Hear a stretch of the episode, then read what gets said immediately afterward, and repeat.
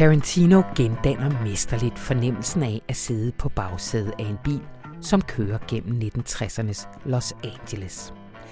Oplyst af billboard, indhyllet i cigaretrøg og befolket af hippier i barter, mens Simon og Garfunkel synger om Mrs. Robinson i radioen. Billederne er ikke som ofte hos Tarantino skudt udefra og ind gennem forruden til karaktererne, men inde fra bilen og ud i Los Angeles. Hvor solen skinner, biograferne skilte med sorte og røde typer på hvid baggrund lokker med drømme, og hvor unge mennesker med langt hår og næsten uden tøj stikker deres tommelfinger frem. De er i gang med at erobre verden. De unge ved det, og de gamle ved det. Sådan skriver Rune Lykkeberg i sin anmeldelse af Quentin Tarantinos nyeste film, Once Upon a Time in Hollywood. Rune kommer naturligvis også her ind til mig og er begejstret. Ikke mindst over, at der nu er kommet en film, der ulig de utrolig mange andre historiske film, som vi ser for tiden, faktisk evner at være nostalgisk uden at blive sentimental. Jeg hedder Anna von Sperling, og øh, jeg er her for allerførste gang med en ordinær omgang radioinformation efter en lang skøn sommer. Vi er jo stort set alle sammen tilbage på arbejde, og det gælder jo så også brolæggerne her i Sankt Anna Passage. Så jeg beklager, hvis der er lidt byggestøj under nogle af indslagene. For jeg håber, I lytter med, fordi lige nu derude i virkeligheden, sommeren 19, er der også nogle unge, der gerne vil smide den gamle verden på porten. Sidste weekend blev den hidtil mest blodige i de protester, der har fyldt Hongkongs gader siden 9. juni. Og der præcis havde vi vores Asien-korrespondent Lasse Karner i byen. Jeg ringer til ham for at høre, hvad konflikten går ud på, men ikke mindst, hvordan man overhovedet kan forestille sig en fredelig løsning. Men allerførst så skal vi tale om truslen mod alle de gode ting i livet. Alkohol, kaffe, chokolade og uafhængig forskning. Jeg lover, at det bliver nostalgisk, ikke sentimentalt. Rigtig hjertelig velkommen til.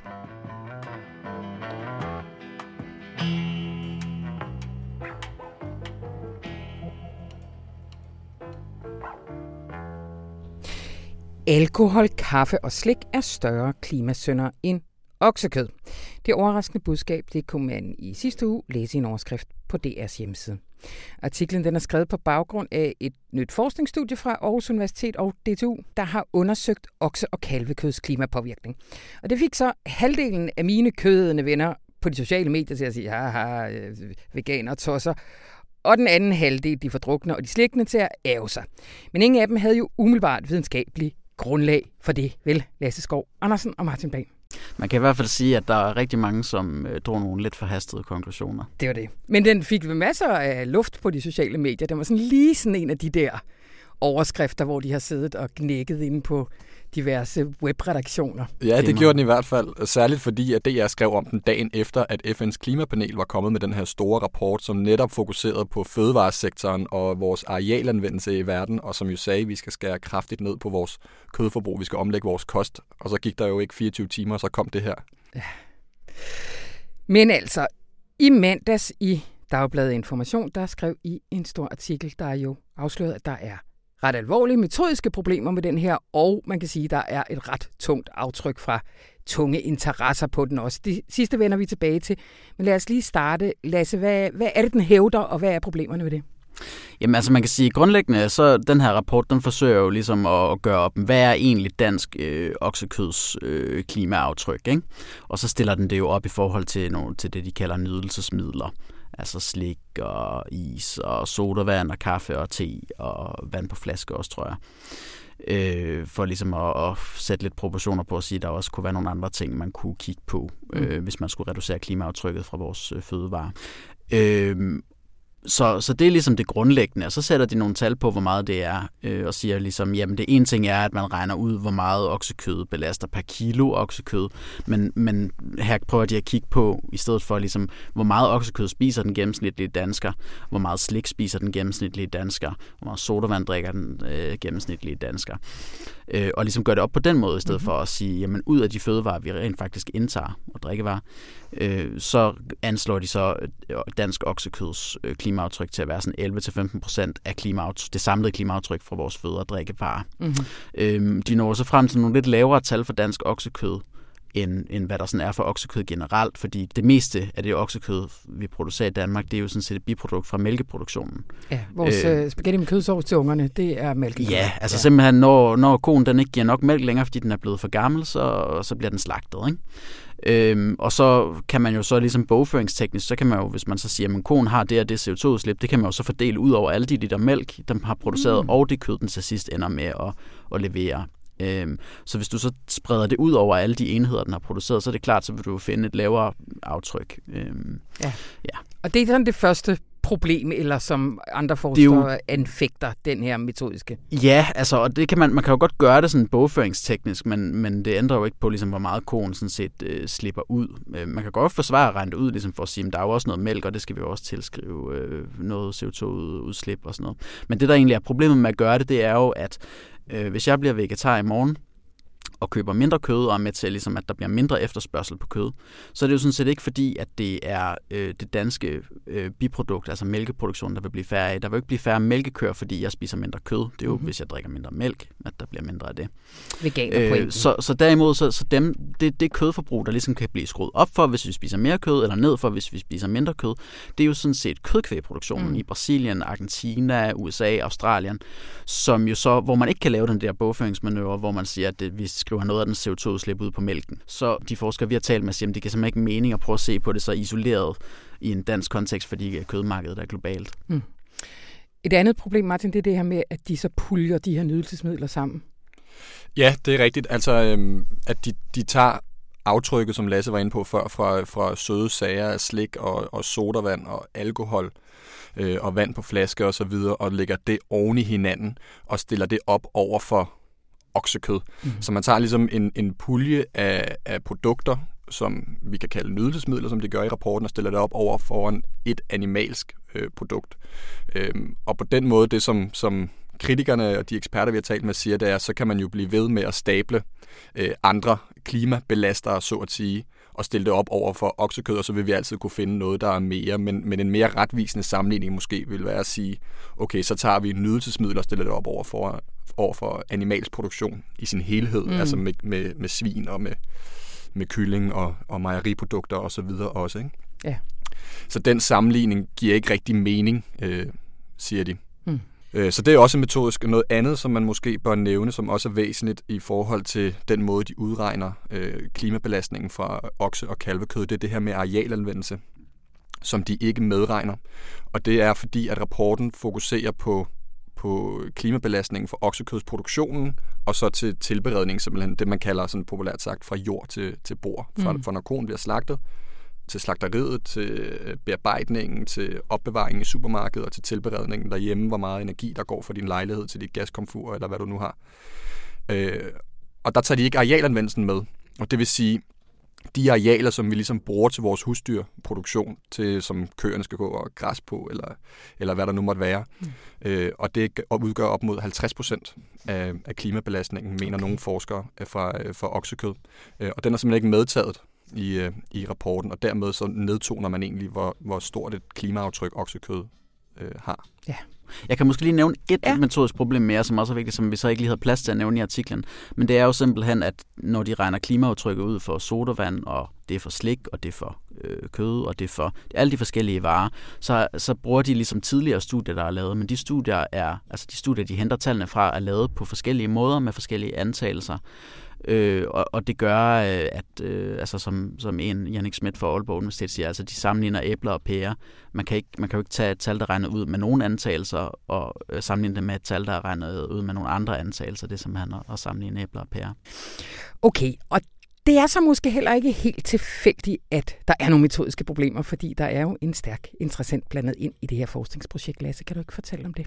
Altså om det er tilfældigt, det kan, kan vi jo ikke sådan øh, dokumentere. Nej, for I er øh, ordentlige journalister, det er mig, der sagde det. men, men vi arbejder der på at finde ud af, hvad, hvorfor, hvorfor har man valgt de, de ting, man har gjort, og vi har søgt en agtensæk, som vi håber, vi får svar på snart. Øh, men det, der jo er lidt interessant, det er, at øh, den her øh, rapport jo sådan set er finansieret af landbruget. Altså pengene kommer oprindeligt fra det, der hedder kvægeafgiftsfonden. Altså når der bliver slagtet en ko i Danmark, så betaler du en afgift, de penge ryger så ind i den her fond, og de bliver så delt ud til forskellige projekter, der skal fremme øh, kødproduktionen i Danmark og deres interesser. Øh, og der sidder en bestyrelse der, der er domineret af landbrugets folk. Øh, og der har Landbrug og Fødevare, som jo ligesom er den store interesseorganisation for landbruget mm. i Danmark, øh, de har så indsendt en ansøgning. Jeg tror ikke engang, der har været portoudgifter der, fordi at øh, fonden har sådan set adresse ind hos Landbrug og Fødevare, ja. og har så fået bevilget pengene til den. Og så har Landbrug og Fødevare modtaget pengene, og de har så hyret Aarhus Universitet og DTU til at, at lave rapporten. Så, så det er sådan set landbruget, der står bag mm. den her rapport. Mm. Øh, og det er jo meget godt at vide, kan man sige, når man skal forholde sig kildekritisk til, hvad man læser i medierne. Men desværre så, altså det er sådan set ikke, fordi forskerne har skjult det, det står i rapporten. Ja. Så, så det kan man jo ikke kritisere dem for, men, men når det er blevet omtalt i medierne, i DR og i Sjællandske og sådan noget, så er det simpelthen ikke blevet nævnt, at det var landbruget, der, der stod bag. Det er blevet nævnt som en rapport for Aarhus Universitet, og så tænker man jo, det er uafhængigt, øh, helt uvildigt, og, sådan, ja. og, og har, har måske ikke de sådan kildekritiske briller på. Hmm menig mand vil måske sidde og sige, hvad for noget bliver forskning betalt af sådan nogen, der har så store interesser, men det vil ikke i sig selv virkelig odiøst. Det sker vel hele tiden? Ja, det sker hele tiden, og jeg tror også, det sker i højere og højere grad, synes jeg, der har været nogle historier om på det seneste. Øhm, og så man kan sige, at det er ikke et problem i sig selv. Der, det handler måske om, at der, er, der skal være vandtætte skotter mellem dem, der ligesom er opdragsgiver, der, der betaler for forskning, og så de forskere, der rent faktisk sidder med fingrene nede i, i, øh, i forskningsarbejdet og udarbejder det. Øh, og noget af det, som, som den her rapport også har fået kritik for, er, at projektets styregruppe, når man laver forskningsprojekter, så er der typisk en styregruppe om, omkring øh, forskerne, der ligesom følger arbejdet, kan komme med inputs og være med til at lave problemformuleringer, udstikke de overordnede linjer og så videre, og kommentere undervejs. Mm. Den styregruppe, der har fulgt det her projekt, har hovedsageligt, eller faktisk udelukkende bestået af landbrugets parter. Det har været Danish Crown, det har været Landbrug Fødevare, det har været det, der hedder Kødbranchens Fællesråd. Mm. Øh, som, som der har siddet i det. Og der er der nogen, der siger, at normalt vil man have nogle interessenter, som også repræsenterede det modsatte synspunkt, eller måske ja. ikke repræsenterede landbruget som sådan. Det kunne være, det kunne være Danmarks Naturfredningsforening eksempelvis. Mm. Øh, så det har der også været rejst lidt øh, kritik af. Øh, og vi har talt med en del bestyrelsesmedlemmer fra den her fond, Kvægeafgiftsfonden, som har finansieret det hele. Og de ærger sig faktisk ret meget over, at det er blevet jeg ved ikke, om man kan sige hemmeligholdt, men ikke er blevet tydeligt gjort, ja. hvem det egentlig er, der står bag det her, fordi at, at den her fonds erklærede formål er at fremme oksekødsproduktionen i Danmark. Så det er jo som sådan ikke nogen hemmelighed, og det er jo ikke noget, som de altså, som sådan øh, forsøger at skjule eller noget. Mm. Det vil de gerne have ud, så på den måde ærger de sig lidt over, at det ikke er blevet tydeligt gjort i, blandt, i, i medierne, ja. at det er det, der har været formålet for dem. Tror du virkelig, de ærger sig? Det siger de i hvert fald. Okay, ja. ja. Øh, Lasse, hvordan har Aarhus Universitet reageret på kritikken her? Altså, øh, de mener jo, at, øh, at noget af kritikken er, er forfejlet, fordi de siger, at, altså, for eksempel det med arealanvendelse, øh, om det skulle regnes med eller ej, så siger de, ja, det kunne man selvfølgelig godt gøre, og det er jo rigtigt nok, og det kan man jo bare lægge til de tal, vi har regnet ud, og sådan men der er ikke ligesom fuld videnskabelig enighed om, hvordan man skal regne det med. Mm. Så derfor så, så mener de ligesom, at det er sådan lidt øh, hul kritik. Og så øh, er der det andet med, øh, med det der med at fokusere på øh, ligesom malkekvæg. Det synes jeg ikke rigtigt, de har forholdt sig sådan direkte til. Øh. Nej, de forholder sig også lidt til til kødkvæg i det, men, men meget af det er bundet op på de her malkekvæg. Men de understreger jo meget, at landbruget har ikke ligesom haft indflydelse. De har arbejdet uafhængigt som forskere, og det er jo vigtigt for mm. dem at slå fast. Mm. Mm. Og smider også lidt bolden videre så til medierne, som de mener har strammet den. Ja, og der kan, synes jeg så godt, man kan sætte lidt spørgsmålstegn ved deres forklaring, fordi det er rigtigt nok, at altså man kan sige, rapporten stiller ligesom op og siger, at kød er så meget, og nydelsesmidler er så meget, men man kan ikke ligesom finde en sætning i rapporten, hvor de ligesom kobler de to ting direkte og siger, at nydelsesmidler er et meget større problem end kød. Ikke? Mm. Øh, så, så, det gør de ikke, men, men det er jo Heller meget... ikke i pressemeddelelsen. Jamen det er jo så nemlig det, fordi ja. i Aarhus Universitets egen pressemeddelelse bliver de der to ting koblet direkte sammen. Så, så jeg synes, at, at Aarhus Universitet kan ikke udelukkende skyde skylden på medierne, fordi de har sådan set selv gjort det samme i deres pressemeddelelser. Mm, mm. Men der er vel, det er vel også øh, en anledning igen til selvrensagelse i medierne i forhold til, hvordan vi viderebringer sådan nogle, hvad skal man sige, videnskabelige øh, øh, små historier. Altså, hvad, hvad siger DR for eksempel? Ja, hvad siger DR? Altså, de anerkender jo på nogle måder kritikken, og de har også rettet en overskrift på artiklen efterfølgende. Der gik så godt nok lige en, en 3-4 dage øh, for at tydeliggøre, at man ligesom puljede de her ting og sager. Mm. Øh, og så har de også tilføjet til deres artikel oplysning om, at det er finansieret af Kvægeafgiftsfonden med hjælp fra, ja. fra Landbrug Fødevare, men, men helt klart, at det, det kalder selvfølgelig på, at man bliver endnu skarpere på at mm. huske at ligesom referere, hvor man har sine oplysninger fra. Og og især når man er sådan et stort public service medie som er, fordi det der jo sker, når DR skriver det, det er jo, at, at posterne spreder sig videre nu. Jeg bor selv i Sverige, og jeg lavede bare lige en hurtig søgning på svensk og kunne se for eksempel Svenske Dagbladet, som er mm. en af de store svenske morgenaviser, øh, har jo omtalt det her studie og henviser til DR's dækning. Så, så den har jo spredt sig internationalt mm. også, øh, og uden at, at øh, altså, og en svensk læser har jo simpelthen endnu mindre øh, chance end en dansk læser for at gennemskue det her og, det det. og vide, hvilke interesser der ligger bag. Og der må man også bare spørge, hvor meget sådan en rettelse reelt virker i dag, hvor at mange af de her øh, historier jo bliver viderekolporteret på de sociale medier. Altså den her historie, som Danmarks Radio lavede fredag i sidste uge, den gik jo viralt hen over weekenden. Og så først torsdag eftermiddag ved 12.30-tiden bliver rubrikken rettet, og, og, og den her oplysning om, at hvem der egentlig stod bag projektet, bliver ja. tilføjet. Ikke? Altså, der har den jo ligesom haft sin virale effekt, og er blevet læst mm. og så videre, så, så den når nok ikke rigtig ud på samme måde som dengang, hvor det bare var øh, altså, den, den fysiske avis, og man kunne bringe rettelsen dagen efter, ikke? og så ja. ville ja. læseren få den. Ja. Du var lidt inde på det før, Martin, det her med, at det er lidt nye tider. Altså, der har været en række sager, vi har snakket om Gyllegate øh, og Ja, altså det er jo ikke mere end et, et halvt år siden, at Lasse og jeg sad og kiggede på en sag, som godt nok ligger nogle år tilbage med bæredygtigt landbrug, hvor ja. de havde øh, været lidt for tætte på et forskningsprojekt på, øh, på CBS. Øh, og det er jo nok en konsekvens af det her med, at, at øh, universiteterne får sværere og sværere ved at, at finde penge til forskning, så de afhænger mere og mere af private fonde, der simpelthen støtter dem, som jo ofte har en eller anden dagsorden med det forskningsprojekt, de gerne vil støtte. Ja. Og man kan sige, der, der er jo også, nu spurgte du før, om der var noget odiøst i det. Altså man kan ja. jo sige, det er der jo som sådan ikke, mm. hvis, bare for, hvis der bare er vandtætte skotter og sådan noget. Mm. Men det er jo alligevel med til at bestemme, hvad er det så, der bliver forsket i? Ja, altså klar. generelt, så kunne man sige, men bliver vores forskningsstyret derhen, hvor der er nogle private interesser, der har øh, der synes, det skal hen, mm. som måske ikke er det samme, som hvor vi som samfund vil have mest nytte af forskningen og forskningskronerne. Yes. Det bliver det sidste ord, men sandsynligvis ikke i den her sag, og I kigger videre på den, og I kommer herind når der er noget nyt. Tusind tak, Lasse Skov Andersen og Martin Ban. Selv tak.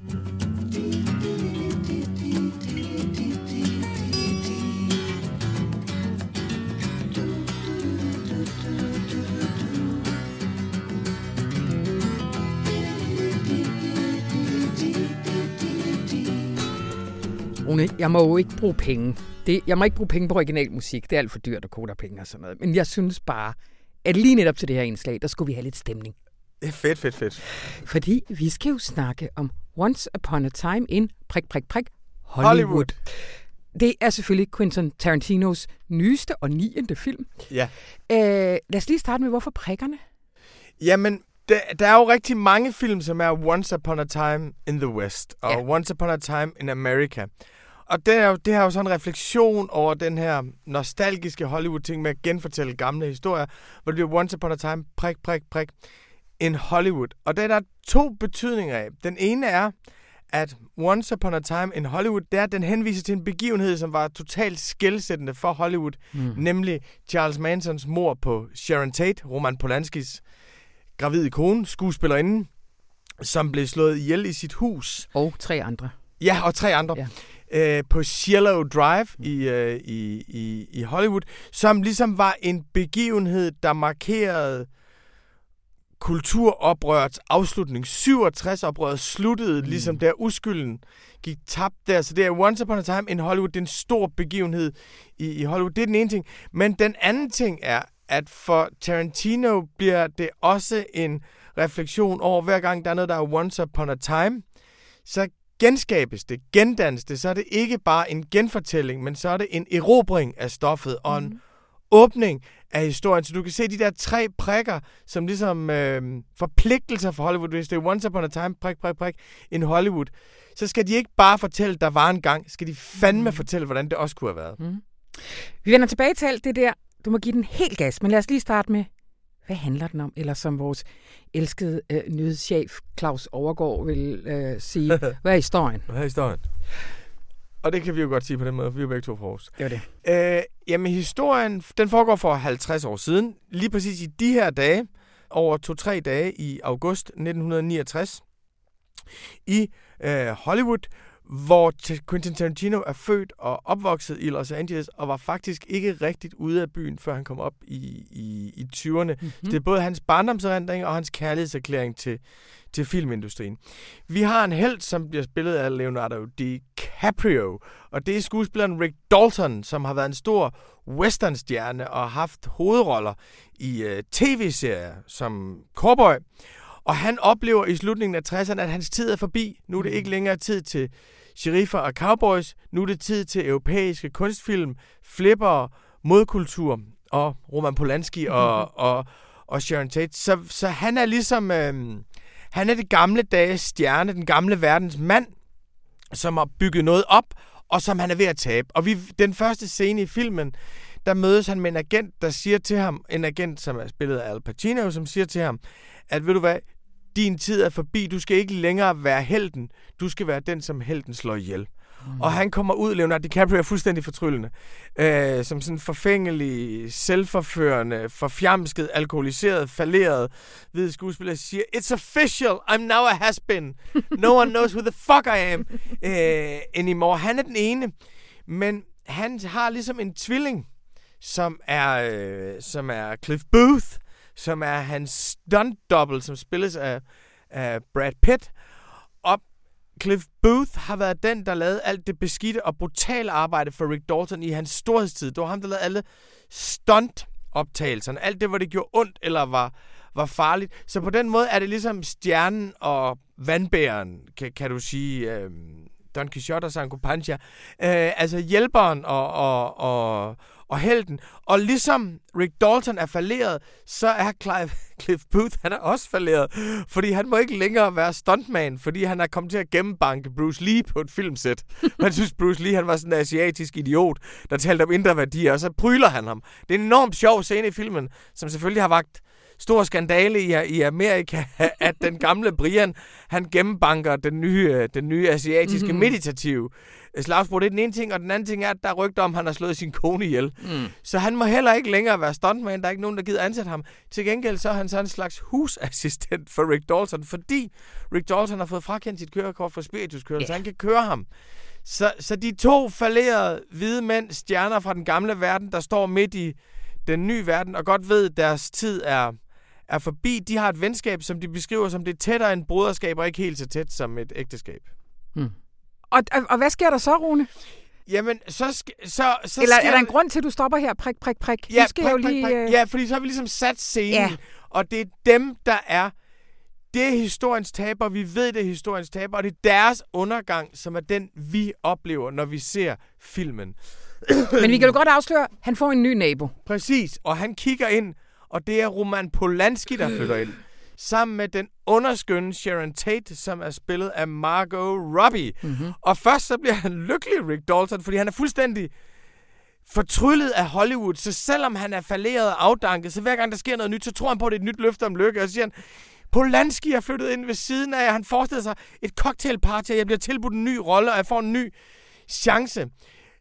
Men i filmens verden er det også den europæiske kunstfilm, der rykker mm. ind. Det er det, der kom efter westernfilmene. Det er auteur film, det er det højere niveau efter, hvor Rick Dalton og, og Cliff Booth, de er lidt fysisk falderet. De ser dog pissegodt ud, men, men, men altså, de har været smukkere. Så er Sharon Tate, der rykker ind ved siden af, hun er ligesom et drømmesyn. Mm. Hun er smuk og ung, har utrolig meget selvtid. Hun ved, hun bærer fremtiden. Hun er gravid, hun går med hun går med fremtiden ja, i maven. Der er en vidunderlig... De to, øh, vores venner der, de sidder og ser hans gamle film om aftenen og drikker sig fuld.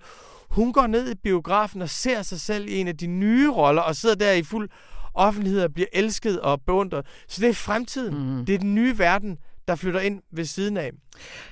Du skriver, at sådan umiddelbart, så bliver det sådan hårdt opstillet øh, taberhold og et vinderhold, det gamle og det nye. Men at efterhånden, så kommer der, bliver det mere kompliceret, men også en forløsning for den gamle verden i det møde. Ja, det der er enormt fedt ved den, det er, at det er meget en film, som kører rundt i bil gennem Los Angeles, og hvor man ser billboards og cigaretrøg og bar og filmplakater og hele den, hele den verden. Og der står den nye verden. Mm. De står hele tiden ude og blaffer og vil med op. Og de der hippier, dem bliver de alligevel lidt forført af stuntmanen der. Han sender peace ud til, til en hippie-pige, og køber en, øh, en cigaret, der er dyppet i syre af, af, af hende, og tager hende med op. Hun, han tager hende med op og blaf på et tidspunkt. På en eller anden måde bliver det faktisk også den der hippie-kultur, der får ham til at komme videre. Mm-hmm. Altså, den nye verden er også en tilbud om nye muligheder for dem. Og der, den bedste scene i filmen, synes jeg, er, hvor, øh, hvor Rick Dalton han skal spille skurk, der skal slås ihjel af helten i en ny westernfilm. Og der sidder han over for en helt ung pige, og hun er 10 år gammel, og hun er ham langt overlegen. Altså hun er en selvbevidst pige på 10 år, som siger, han skal ikke kalde hende for lille du. Han skal ikke kalde hende for en lille pige. Enormt afviser med det samme hans diminutiv, hans måde. Gammel hvid mand ser hende som ung, umyndig kvinde. Fuld, hun afviser ham og insisterer på at være hans jævnbyrdige. Og da hun så gør det, så spørger hun, hvad er det for en bog, du læser? Og den bog, han sidder og læser, den handler om cowboy, der er gået ned og har fået smadret sin krop. Og så får hun faktisk medlidenhed med ham. Så får hun medlidenhed, fordi han fortæller sin lidelseshistorie til hende. Så det, der starter med at være et ulige forhold, hvor den hvide mand er den lille pige overlegen, ender faktisk med et forhold, hvor hun er ham overlegen, og så forløses den i en scene, som de to spiller sammen hvor hun siger, det er det bedste skuespil, hun nogensinde har set, og hvor han vokser, fordi det er hende, han spiller sammen med, og hvor han bagefter siger til sig selv, Rick fucking Dalton. Det er en nostalgisk film, lavet på smerten over det, der var engang, og som ikke er længere, og bevidstheden om den skønhed, vi ikke kan nå uskylden ved at køre bil og ryge. Cigaretter, som du og jeg jo oplever meget tæt, tæt, mhm. tæt på. Men det er også en film, hvor vi oplever, hvordan den nye verden kan være en befrielse for dem, og hvor alle de her møder bliver mere komplicerede, end man umiddelbart tror, de er. Mm.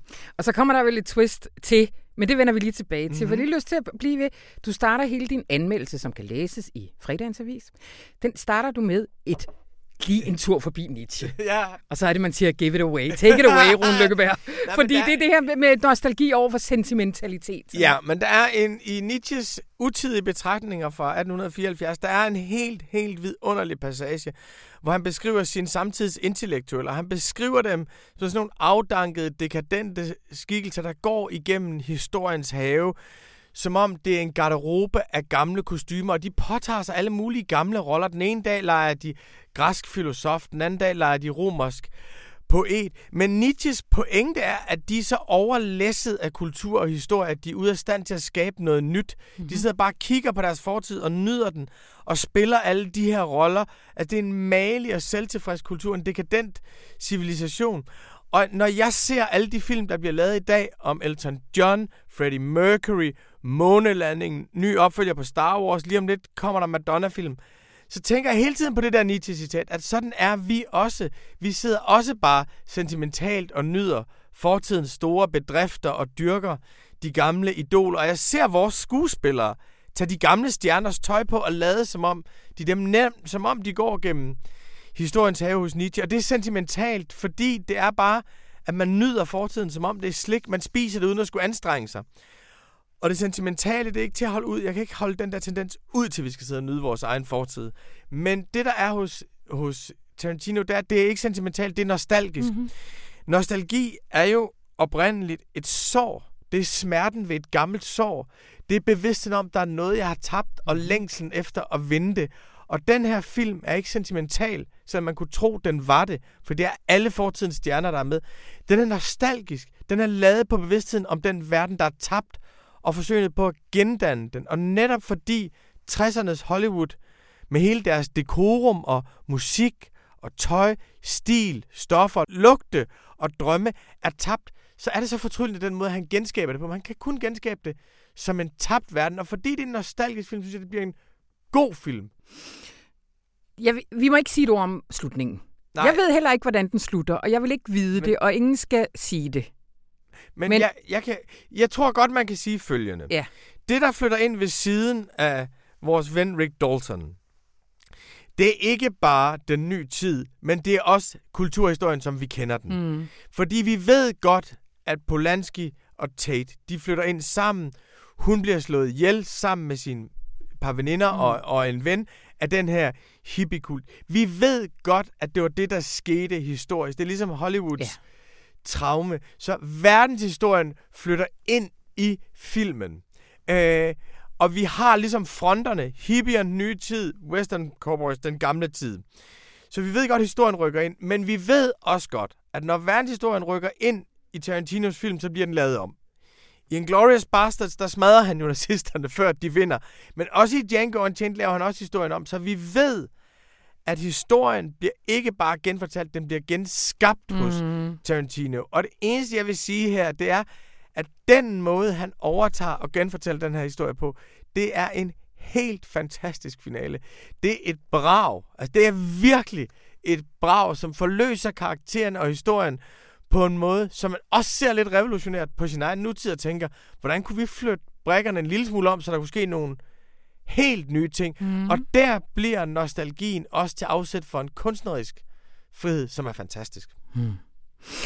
Når jeg sagde det der før med, at det her med den gamle, øh, den gamle verden repræsenterede den her hvide øh, kunstnermand og sådan noget, så sker der jo også noget rent tidsmæssigt efter filmen stopper, øh, men jo også i vores øh, syn på verden og Hollywood, som Polanski jo på en ja, måde bliver en del af. Han er i dag i MeToo Post jo virkelig indbegrebet af den gamle mand. Hvordan, hvordan spiller hele den her ind i, Jamen, i det? Det, det er nemlig, det er fuldstændig, altså der er, jeg har også en fornemmelse af, at filmen er tilbage, den er fra dengang Hollywood stadig var uskyldig, ikke? Ja. Øh, og Polanski er jo i dag ikonet på ligesom Me Too, fordi han jo drug-rapede en 13-årig og stak af fra domstolen og hele Hollywood støtte ham. Men der er også en anden historie, som er meget vigtig. Der har vi Weinstein, mm. var jo Quentin Tarantinos producer og nære ven. Og det her er ikke en Miramax-film. Det plejer Tarantinos film at være. Det er den første film, Tarantino laver uden Weinstein. Altså, mm. det er også hans første film på den anden side. Og der synes jeg, man må sige, at scenen med pigen, den lille pige, der i rette mm. sætter ham, sætter den gamle mand på plads, er ligesom hans replik til det. Det er den gode replik til det, synes jeg, hvor han siger, frigørelsen af den lille pige er også frigørelsen af manden til at genopdage sig selv. Det er den gode ting ved det. Det er så der, hvor jeg synes, at filmen er dårlig og enormt begrænset, det er, at det bliver alligevel kun de to hvide mænd, der er levende karakterer i filmen. Altså, ja. Sharon Tate er nærmest uden replikker. Hmm. Altså, hun er en vision, et ikon. Et, altså, hun er ligesom blondinerne hos Hitchcock. Hmm. Bare et forførende smykke i filmen. Og det er som om, han ikke rigtig kan overskride. Altså, det er de gamle mænd på vej ind mm. i en ny mm. verden. Men den nye verdens karakter lever slet ikke i filmen. Altså, de er bare bipersoner, rekvisitter. Og det synes jeg ville gøre filmen farlig. Det ville være, hvis vi også kunne opleve den nye verden fra nogle af, af de nye perspektiver. Så på en eller anden måde, så er det en kærlighedserklæring til filmen. Men det er også en meget stor markering, synes jeg, af Tarantinos begrænsning. Mm. Men det er jo manden, der også har lavet Kill Bill og Jackie Brown og sådan noget. Det er jo ikke fordi, han, det kan vel ikke flyve under hans radar, at der er et issue med hvis man siger, kvindelige karakterer, eller... Nej, men det... Jeg får lyst til at, det, at undskylde ham og sige, nej, nej, men det, det er en pointe i sig selv, ligesom, du ved, også Mansons piger også bare var rekvisitter, eller et eller andet, men er det... Er det... Jamen, jeg, man kan, man kan, det ene svar er, at, at det er reelt, synes jeg, at sige, at alle, der laver populærkultur i USA, er udsat for en form for blød politisk pression, for mm. at det hele tiden skal være liberalt politisk korrekt. Mm. Det er de hele tiden. Og altså, man bliver nødt til at tilkæmpe sig æstetisk frihed i forhold til det politiske krav. Og det, det, det mener jeg i hvert fald. Altså, ja. At han må manifestere sin autonomi her. Og det tror jeg også er det, han gør. Mm. Altså for eksempel det der med, at Bruce Lee bliver gennembanket. Altså man kunne jo godt sige, at han var ligesom Østens, den, den, uh, den, den gule mand, der kommer mm. ind. Men der er ikke noget. Altså han skal gennembankes. uh, men derfor jeg synes, at det bliver et æstetisk problem, det er, at filmen bliver sgu dårligere mm. af det. Altså mm. jeg synes, at det ville have, jeg ville have, synes, det var enormt sjovt, hvis man kunne rykke ind i Sharon Tates hoved og se, hvordan hun så ja. den gamle ja. afdankede mand ja. inde ved siden af. Altså, jeg synes faktisk, at æstetisk bliver den mindre interessant af det. Det ville være enormt fedt, hvis det ikke var sådan, at det var mændene, der kørte rundt i bilen og samlede de andre op. Men hvis det faktisk også var de andre, der kørte rundt i bilen og samlede, og samlede dem op, ja. så, så, så på, selv på æstetiske præmisser, synes jeg, det bliver en begrænsning. Han har en tiende film. Vi har en lang tradition her i Radioinformation for at ønske, hvad for en film øh, øh, filminstruktør skal lave næste gang. Vi har siddet og snakket længe om, hvilken film Lars von Trier skulle lave for, at vi alle sammen følte os forløst i hans selskab og sådan noget. Nej. Ja, jeg vil sige det sådan her. Jeg er utrolig glad for, det er hans næst sidste film. ja. Nej, fordi jeg vil synes, hvis den stoppede her, han har jo ja. sagt, at man vil lave 10 film. Hvis det var hans sidste film, så ville den ende med at vise alt det, han kan, og demonstrere hans suveræne brug af filmkunsten. Hans kærlighed til Hollywood og hans fortryllelse af det er smittende, men det er også fucking hovedet op i røven på en branche, der er sig selv nok. Mm, mm. Og det, i tieren skal han bryde ud. Her med en opfordring. Fedt radioinformation til, til Tarantino. Rune, man kan læse den i øh, fredagens avis, din anmeldelse. Man kan også læse øh, hvad hedder det, Christian Mongårds anmeldelse, han så den i kan. Øh, men man kan også dykke ned i analyser af Tarantinos øh, andre? Er det alle, er det alle filmene, I har analyseret? Vi har analyseret alle Tarantinos film, Sådan. fordi det er så fedt det der med, at vi tæller ned til den sidste film. Så vi har taget og gennemgået alle hans film, mm-hmm. som vi har lavet som en serie, som, hvor man går ind og finder dem alle sammen. Ja, og jeg skal nok linke til det. Tusind tak, Rune Lykkeberg. Det er mig, der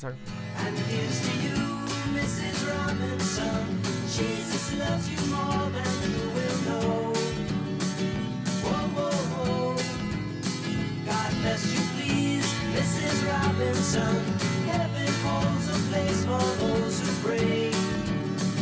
Hey, hey, hey. Hey, hey, hey.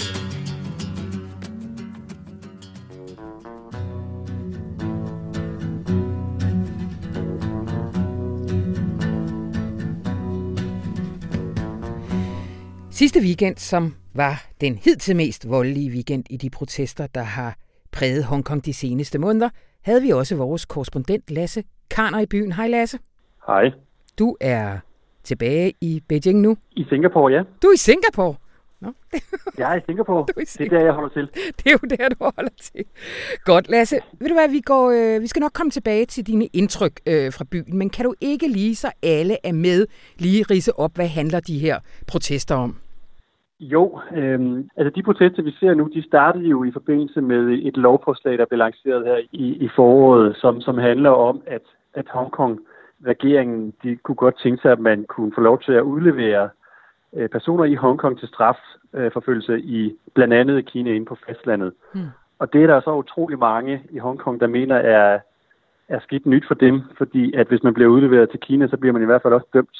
Altså der er en, en en rate på, hvor, hvor mange der bliver dømt, hvis man bliver strafforfulgt i Kina på, på nogle af 90 procent. Ikke? Mm. Så det vil sige, det går ind og simpelthen rykker ved det her princip om, at man har et land med to systemer, hvor man i Hongkong siden overdragelsen helt tilbage i 97 har haft en masse, en masse rettigheder.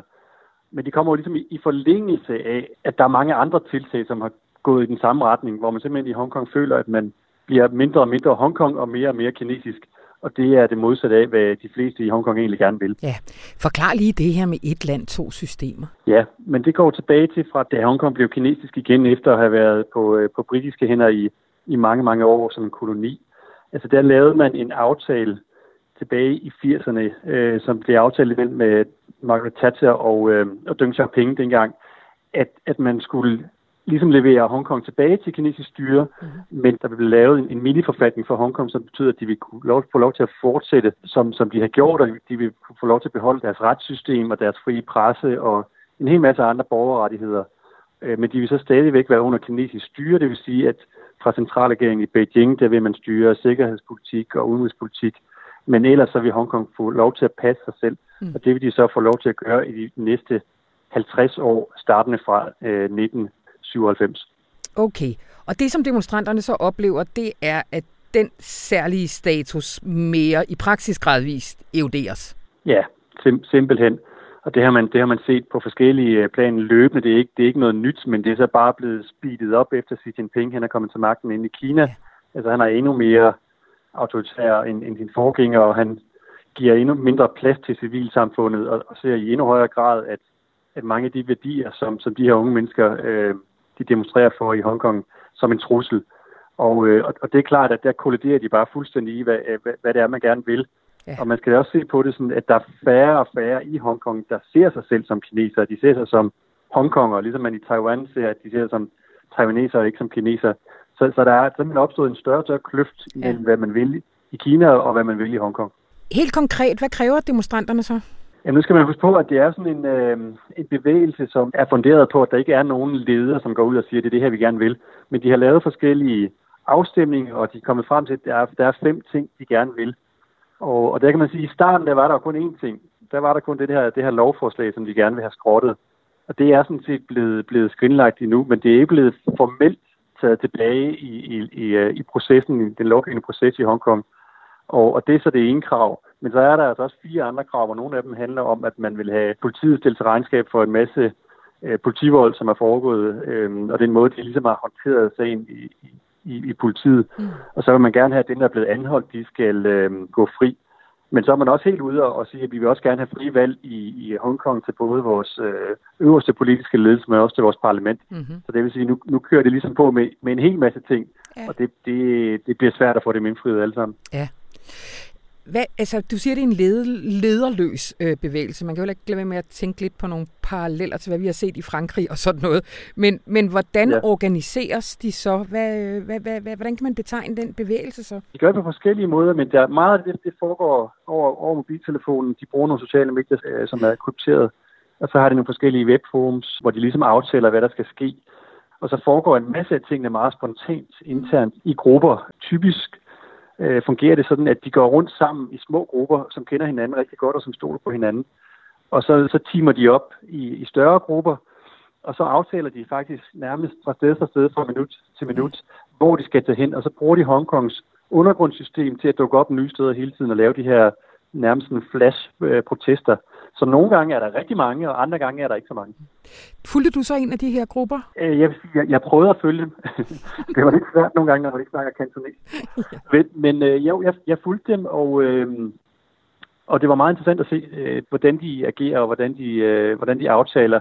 Altså nogle gange så foregår det simpelthen med håndsopretning nede på en, på en station i, i undergrunden. Så, så det, er, det er meget svært at, sådan at, at, at finde ud af, hvad, øh, hvad der sker. Ja. Øhm, men de har fuldstændig styr på det. Altså, de ved, hvad det er, de vil, og det fungerer den måde, de ligesom opererer på. Der er simpelthen ikke nogen, der bestemmer, at nu gør vi det her. Det er noget, de beslutter i fællesskab i situationen. Altså, du har jo fuldt, du, altså, du har jo haft din gang i byen øh, gennem årene. Du var udvekslingsstudent i, var det 2007, du skriver? Øh, og så været tilbage ja, nogle ja. gange siden. Altså, kan du sige sådan lidt mere generelt, hvad, hvad har du set ske med, med de unge hongkongnesere? Ja, jamen det kan jeg godt. Jeg skriver også lidt om det i, øh, i artiklen, ikke? At, øh, at da jeg gik på Hong Kong University et, et, semester dengang, der var det øh, en ungdom, som, øh, som ikke gik frygtelig meget op i det politiske, vil jeg sige. Altså det handlede mere om at blive investmentbanker hurtigst muligt. Og det var, det var ret interessant at se egentlig øh, den, dengang også. Øh, det var faktisk noget, jeg, jeg tænkte over dengang, at der virkede til at være meget lidt politisk engagement i forhold til, hvad man for eksempel så i, i Taiwan allerede dengang men, men det her har jo så ændret sig enormt meget, ikke? Og, og der var allerede i 2014 den her store protestbevægelse, øh, paraplybevægelsen, der den kaldte, og den var ligesom med til at, at vække en hel generation politisk. Og den var, den var anderledes i den forstand, at den var meget øh, fredelig. Altså det handlede om at sidde ned og ikke flytte sig mm. øh, på det samme sted nede i det centrale øh, finansdistrikt. Og det gjorde de i, i nogle af 70 dage. Men, men de fik ikke noget ud af det. Altså, der kom ikke, øh, de blev ikke hørt, og, øh, og, og lederne af den bevægelse blev så fængslet bagefter. Og det er jo det, der har været med til ligesom at gøre, at de har øh, fuldstændig ændret taktik til den her nærmest guerilla-metode, som de benytter nu, hvor de bevæger sig rundt i små grupper og, og er hurtigt frem og hurtigt væk igen. Men hvad, hvad er deres, hvad skal man sige, de mere militante metoder, de bruger nu? Hvad er det? Jamen altså, de har tit udset øh, de forskellige politistationer rundt omkring i byen som deres mål. Og så møder de op foran dem, og så kaster de øh, sten ind, for eksempel, de kan smadre nogle ruder, eller de, de bruger også brandbomber ind imellem. Og nogle af de, de ting, jeg så øh, ved de lidt større demonstrationer, var, at de brugte øh, slynger. Altså, man skal forestille sig sådan en, øh, en slynge, som bliver, bliver holdt af to personer, sådan en, en, en gummistreng, og så, så er der en, der sidder nede på, på jorden og skyder sten afsted mod politiet. Ja. Og det er jo klart, det er temmelig farligt, når vi snakker den slags og brandbomber osv. Men, men altså, det er jo ingenting i forhold til, hvad politiet de, de stiller op med. Så det er stadigvæk en, en noget unfair kamp, må man sige. Ja. Men hvordan er sådan den sådan, hvad skal man sige, folkelige forankring? Hvad siger folk, når du har talt med dem på gaden om, øh, om urolighederne? Jamen generelt set, altså der var, man skal huske på, der var først, tror, jeg, var 1 million, og så var det 2 millioner, der var på gaden der i, i, i starten af, af juni måned, midten af juni måned. Så der er en enorm stor opbakning til hele bevægelsen som sådan. Så er spørgsmålet, hvor mange der bakker op om de her lidt mere radikale, aktivistiske unge. Og der tror jeg faktisk stadigvæk, der er mange, der har stor sympati for dem. Og det skyldes ikke mindst øh, den her øh, ret brutale håndtering, de har fået af politiet, som virkelig slår hårdt ned, når de får fat på dem, når de fanger dem. Og, og der florerer en hel masse videoer af, af den her form for øh, politivold, synes jeg godt, man kan kalde det. Mm. Og det gør altså, at, at folk er, er, er ret vrede, er ret sure. Mm. Men man kan så også sige, at de store demonstrationer, der har været i, i weekenderne, som er lovlige og som finder sted i dagtimerne, at de er faldet i antal deltagere. Ja. Den, jeg var med til her i, i søndags, der var måske øhm, en 30.000 eller sådan noget. I hvert fald flere 10.000. Det var stadigvæk mange mennesker, men det er ikke en million. Men det, det der bliver interessant at se, det er på, på søndag, hvor der er en ny stor demonstration, som bliver arrangeret af nogle af dem, som, som faktisk stod for de der kæmpe demonstrationer øh, forrige måned, eller sidste måned. Og, øh, og det bliver lidt interessant at se, hvor mange der dukker op der. Fordi mit indtryk er lidt, at folk er vrede over det weekend, der har været nu her, hvor der, hvor der virkelig bliver gået, øh, gået hårdt til dem. Mm. Du beskriver, at Beijing også har ændret lidt strategi nu, og faktisk begyndt at kalde det terror. Hvad, hvad, hvad, hvad afspejler det, og hvad, hvad peger det hen imod, synes du? Det, det afspejler lidt, at man er, man er gået fra at prøve at censurere de her ting væk til virkelig at føre øh, propagandakanonerne i, i stilling. Altså den får hele armen nu på de kinesiske medier og sociale medier. Og det afspejler en, en optrapning Øhm, det, det man, man frygter i den sidste ende, det er, om, om man fra Beijings side vil, øh, vil gå ind og bruge magt. Altså man vil, mm. man vil sende nogle, øh, nogle øh, militærpoliti ind over grænsen, eller, eller finde på andre ting for at, at slå, slå endnu hårdere ned på det her, end, end hvad Hongkong kan gøre. Fordi der er jo nok en grænse for, hvor langt politiet i Hongkong ligesom vil gå mod deres egen borgere. Yeah. Og, øhm, og, og det er ligesom der, hvor man siger, at, at hvad skal der til, før, før de gør det? Og det er derfor, det bliver lidt interessant at se, om bevægelsen den nu får et nyt boost her på, på søndag, om det bliver endnu mere øh, folkeligt forankret igen. Mm. Der var en på redaktionsmødet i morges, der spurgte her, kan det her blive den himmelske fredsplads 2.0? Øh, kan det det? Jeg tror, der skal rigtig meget til, øh, for, for, for man, man kommer der til. Jeg tror, det vil være en katastrofe både for, for Kina og for, og for Hongkong. Og det ved man jo godt også i, øh, i Beijing. Man har nok trods alt lært noget fra dengang. Ja, tiden har vel også ændret sig. Altså, der er vel, dengang havde de vel også en anden mulighed for at kontrollere øh, informationsstrømmen og sådan noget, som du siger, så er den, øh, så er den lidt ude af deres kontrol ja. Ja, og man skal, man skal også huske på, at, at Hongkongs politistyrke er altså det, det er 30.000 mand, og øh, de er allerede begyndt at bruge nye metoder. Ikke? Altså, man, man så her i weekenden, at de brugte civilbetjente undercover. Øh, det har de ikke gjort før. Okay. Altså, de, de slår simpelthen endnu hårdere, og de anholder endnu flere. Der bliver anholdt 700 cirka, tror jeg, indtil videre, men men 150 bare den sidste uge her. Mm. Så, så øh, vi har nok ikke set toppen af, hvad Hongkongs politik kan finde på endnu. Øhm, men det der, det, der ligesom er lidt interessant også i den kontekst, det er, at vi, vi går en tid møde nu, hvor, øhm, hvor frem mod 1. oktober vil man fra Beijings side nok meget gerne have afsluttet det her, fordi at det er der, man har årsdagen for Folkerepublikens øh, dannelse 70 år. Ja. Og det er en meget stor dag i den øh, kinesiske kalender. Så hvis man, øh, at de gerne vil have det løst inden da, så skal der ske noget. Og lige nu der står de ret, ret stejlt over for hinanden, de, de to fronter. Der er ligesom ikke nogen, der virker til at vil gå på kompromis. Så, så man kan sige, at en politisk løsning er måske ikke nem, men man kunne da i hvert fald i mindste prøve på at, at imødegå nogle af de krav, som de, som de har, de her demonstranter. Ja, altså en lavt hængende vil være at trække det her lovforslag tilbage, vil sagtens. Det kunne man for eksempel starte med, og nu så ja. der var et pressemøde med, med Carrie Lam, som er, er den øverste leder her, øh, jeg kan huske, det var i dag eller i går, hvor hun blev spurgt om det igen, hvorfor hun ikke har gjort det. Og hun svarer simpelthen ikke på det. Altså, hun får spørgsmålet flere gange, øh, ja, nej, om, om, hun, om hun har autoritet til at gøre det, og hun, hun, hun vil ikke svare på det. Nej. Så det, det tyder jo på, at hun simpelthen ikke har fået lov til fra Beijing at, at trække det helt tilbage. De, og de har simpelthen fuldstændig forregnet sig. De har ikke været klar over, hvor stor den her folkelige utilfredshed. Og selvom den så ligesom kan udtryk i de her 1 øh, million, der var på gaden første gang, ikke? Selv derefter var de ude og sige, at vi fortsætter bare, ikke?